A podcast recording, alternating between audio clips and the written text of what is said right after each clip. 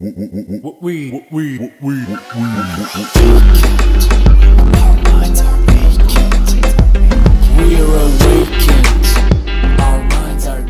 svima, ja sam Martina Đokić, a vi slušate podcast Mentalni nudista.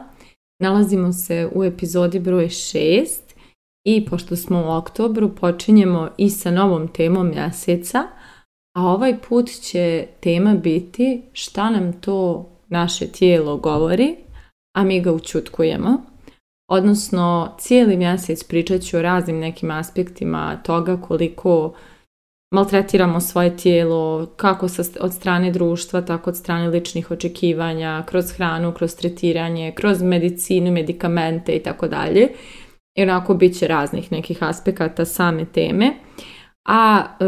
počinjemo sa zaglavljenošću u našoj glavi, odnosno pričat ću malo o tome koliko smo zanemarili moći i potencijale našeg tijela i sve živo prebacili na glavu, potpuno uvjereni da se tu nalazi sva pamet i inteligencija koju nosimo, a u stvari to je jedan samo mali djelić inteligencije koju imamo u sebi i na koji smo nažalost stavili ogroman akcenat jer živimo u takvom nekom, kako ja često kažem, mentalnom dobu. Tako da, evo u epizodi broj 6 pričamo upravo o tome odnosno o zaboravljenoj inteligenciji koja nije ova pametna koju smo navikli da najviše obraćamo pažnju i koju se najviše posvećujemo, nego zaboravljena inteligencija se nalazi ispod našeg vrata, odnosno u našem cjelokupnom tijelu koje je samo po sebi jedna vrlo, vrlo inteligentna tvorevina. Neću da kažem sprava zato što je daleko moćnije od obične sprave, i e, ta tvorevina ima tolike kapacitete, potencijale, moći i sposobnosti koje mi nismo ni dosegnuli, nismo svjasni šta sve naše tijelo može, a e, niti se bavimo često time koliko toga naše tijelo zapravo i radi mimo naše svijesti, odnosno koliko ono i samo sebe iscijaljuje u nekim situacijama i samo reguliše mnoge neke svoje funkcije i zapravo obavlja mnoge neke kompleksne procese koje im naša glava ne bi znala kako uopšte da obavi. Tako da, evo upravo je to, da kažem, ono u čemu ću ja da pričam u ovoj epizodi. I e, kao i svi vi, kao i većina ljudi na ovom svijetu, i ja sam neko ko je dobar dio svog života uložio u to da budem pametna odnosno da ja izgradim svoju pamet, svoju inteligenciju, to da mnogo znam, da sam svestrana, da sam ono sposobna da odgovorim na razne teme, da imam argumente, da imam mišljenja i tako dalje. I to je dosta dugo bio neki akcenat u mom životu, ta, ta, taj,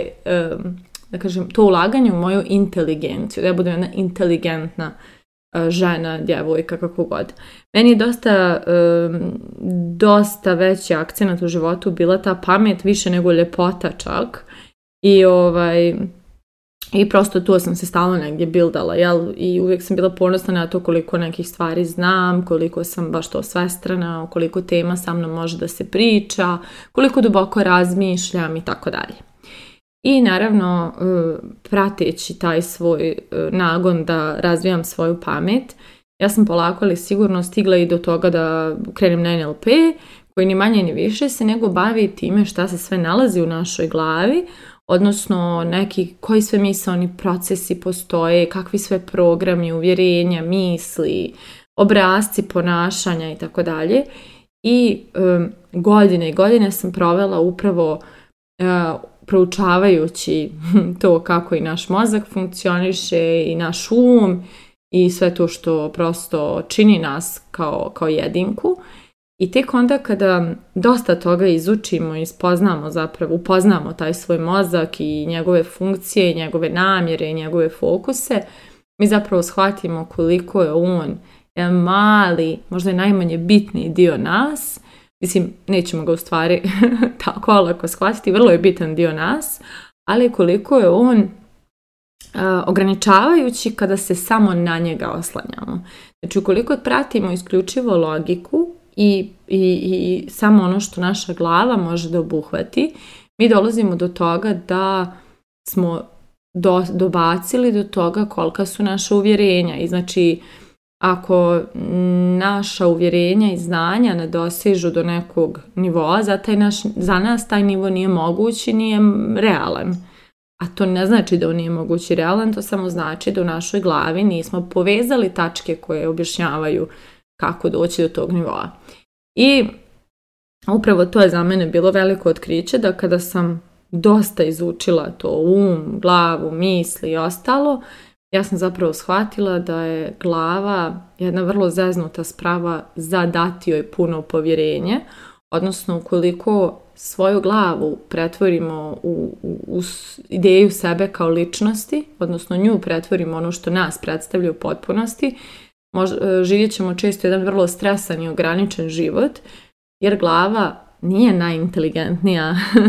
sprava koju nosimo u sebi, odnosno nije najinteligentniji dio nas. Glava je zapravo prije svega tu da nam zaštiti život, odnosno da nas učini sigurnima i baš zato što je to najveći jedini fokus često, ona će vidjeti problem tamo gdje ga nema i donesiti, donositi često neke odluke koje nam nisu najsrećniji izbori, ali jesu najsigurniji izbori. Sigurni ono životno sigurniji. A živjeti siguran život je često u velikoj suprotnosti sa živjeti svoje potencijale. I to je ono što, što je zeznuto kada se potpuno oslonimo na glavu i prestanemo da osjećamo u svom tijelu odluke i da osjećamo u svom tijelu neke intuitivne reakcije i to je to. Znači, ako smo samo u glavi, dolazimo do jednog vrlo skučenog načina funkcionisanja i života i do čistog pretjeranog razmišljanja, odnosno overthinkinga i mi praktično živimo na autopilotu. Znači kada živimo samo sa svojom glavom kao centralnim dijelom svoje ličnosti, mi živimo gomilu stvari doslovno na autopilotu. Znači živimo po nekim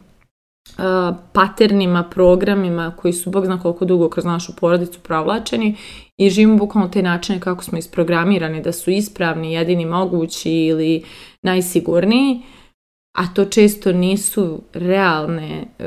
istine, to jest nisu objektivne istine, nego samo neki programi koji su tako usađeni u nas i onda e, ako ne čujemo u svom tijelu da li nam neka odluka prekreira osjećaj e, nezadovoljstva ili toga da nismo prosto ispoštovali neke svoje potrebe, neke svoje ideje, uzbuđenja i slično, mi onda zapravo ostajemo e, živeći jedan pa ne mogu reći prosječan život, eto možemo tako da kažemo. Tako da to je ono što nam glava kreira i kako nas glava ovaj, oblikuje i baš i Tony Robbins u svom filmu uh, I'm Not Your Guru je rekao stay in your head and you're dead. Ili ako ostaneš u glavi mrtav si. I uh, upravo je to ono na šta se mislilo. Znači sve ovo što sam ja ispričala je zapravo ono na šta se tu mislilo. E sad, kad sam, jeli tako ja izučila tu dosta glavu, naravno ne znam ni blizu sve što šta postoji u našim glavama, ali znam dosta što se, što sam kroz, ovaj podcast iskazivala često, ali ovaj, kada sam izučila, došla sam do toga da ne mogu previše da vjerujem svojoj glavi i svojim mislima, jer znam čime su vođeni, šta ih kontroliše, kako su upravljani, otkud tu, kojih je tu sadio i tako dalje. I zapravo ja sam shvatila da najmanji dio mene čini ono što je moja glava. To je zapravo najmanje autentičan dio mene, a najviše autentičan dio mene je, kako ja to zovem, moja duša, odnosno ono što se nalazi negdje u mojim grudima i, i, i u stomaku i da se tu nalaze neki signali i informacije koje su zapravo pouzdanije mnogo nego moja glava. Međutim, da bi mi došli do tog signala koji se nalazi u tijelu i tih signala koje se nalaze u našem tijelu, moramo prvo prevaspitati glavu da prestane da bude najbučniji dio nas da bi mogli uopšte da čujemo ovo ostalo. I ja sam zahvalna što sam taj proces prolazila godinama to. Ne mogu reći utišavanje glave, ali umirivanje glave i prevaspitavanje glave da nauči da vjeruje nekim stvarima, se prepusti, da se opusti, da rizikuje i tako dalje. I onda sam počela da čujem ono što se nalazi u mom tijelu. A u mom tijelu i u svačijem tijelu nalazi se toliko značajnih informacija, toliko bitnih osjećanja, doživljaja, predikcija, intuicija i koje čega, koje nas čine, ma ne znam, deset puta inteligentnijima nego kada se oslanjamo isključivo na glavu. I to je ono što nauka jeste dokazala, da sam, to sam negdje čula, da se objašnjava kako intuicija ovaj, ima svoje objašnjenje naučno, ali često je, e, da kažem, nepo, mislim, meni je sad nepotrebno da idem po naučnim istraživanjima da bi, da bi povjerovala u nešto, jer tu je onaj moment kada smo, kada smo u glavi, nama trebaju činjenice a činjenice su onolike dok koliko je neko uspio da ih, da ih obuhvati u ovom trenutku, ali to što za neke stvari ne postoje do sada dokazane činjenice, ne znači da te stvari nisu tačne ili ne postoje, nego samo da ljudski um nije se raširio još uvijek do tog nivoa. Kao što je Tesla pričao o Wi-Fi-u i, i, karticama za plaćanje, ljudi su tad mislili da je lud, jel, nije bilo na, nisu imali korake kako se dolazi do toga, a mi sada to živimo kao najnormalniju stvar jer je ljudski um stigao do tog nivoa. Tako da, u tijelu se nalazi mnogo toga što mi jasno. Osjećaj radosti nije u glavi, u tijelu je. Osjećaj um, ne, nesigurnosti ili osjećaj da nešto nije za nas se nalazi u našem tijelu. Kod mene je to u stomaku. Ja u stomaku uvijek osjećam kada nešto nije E, usklađeno sa mnom ili nije, ne, ne, ne uliva mi povjerenje ili ne čini da se osjećam bezbjedno, ja u stomaku imam jasan signal. U grudima mi je uvijek radost, uzbuđenje. Kada osjetim da je nešto onako to, to, nebitno da li je to neka ideja koja mi je nalegla, da li je to nešto, neka odluka koju treba da sprovedem, ona mi se uglavnom nalazi negdje u predilu između grudi i stomaka i tačno mogu, tačno znam taj osjećaj kada je nešto to, to. I ja sam godinama učila da vjerujem tom osjećaju, tim, to jest raznim signalima u svom tijelu i to sam najviše razvijela imam i epizodu o intuiciji koju sam pričala. Razvijela sam to tako što sam slušala svoj prvi nagon prije nego što taj prvi nagon, prva misao, prva ideja stignu do glave pa ona krene da ih secira, analizira da li su sigurni, da li će nas dovesti u nevolju i tako dalje. E,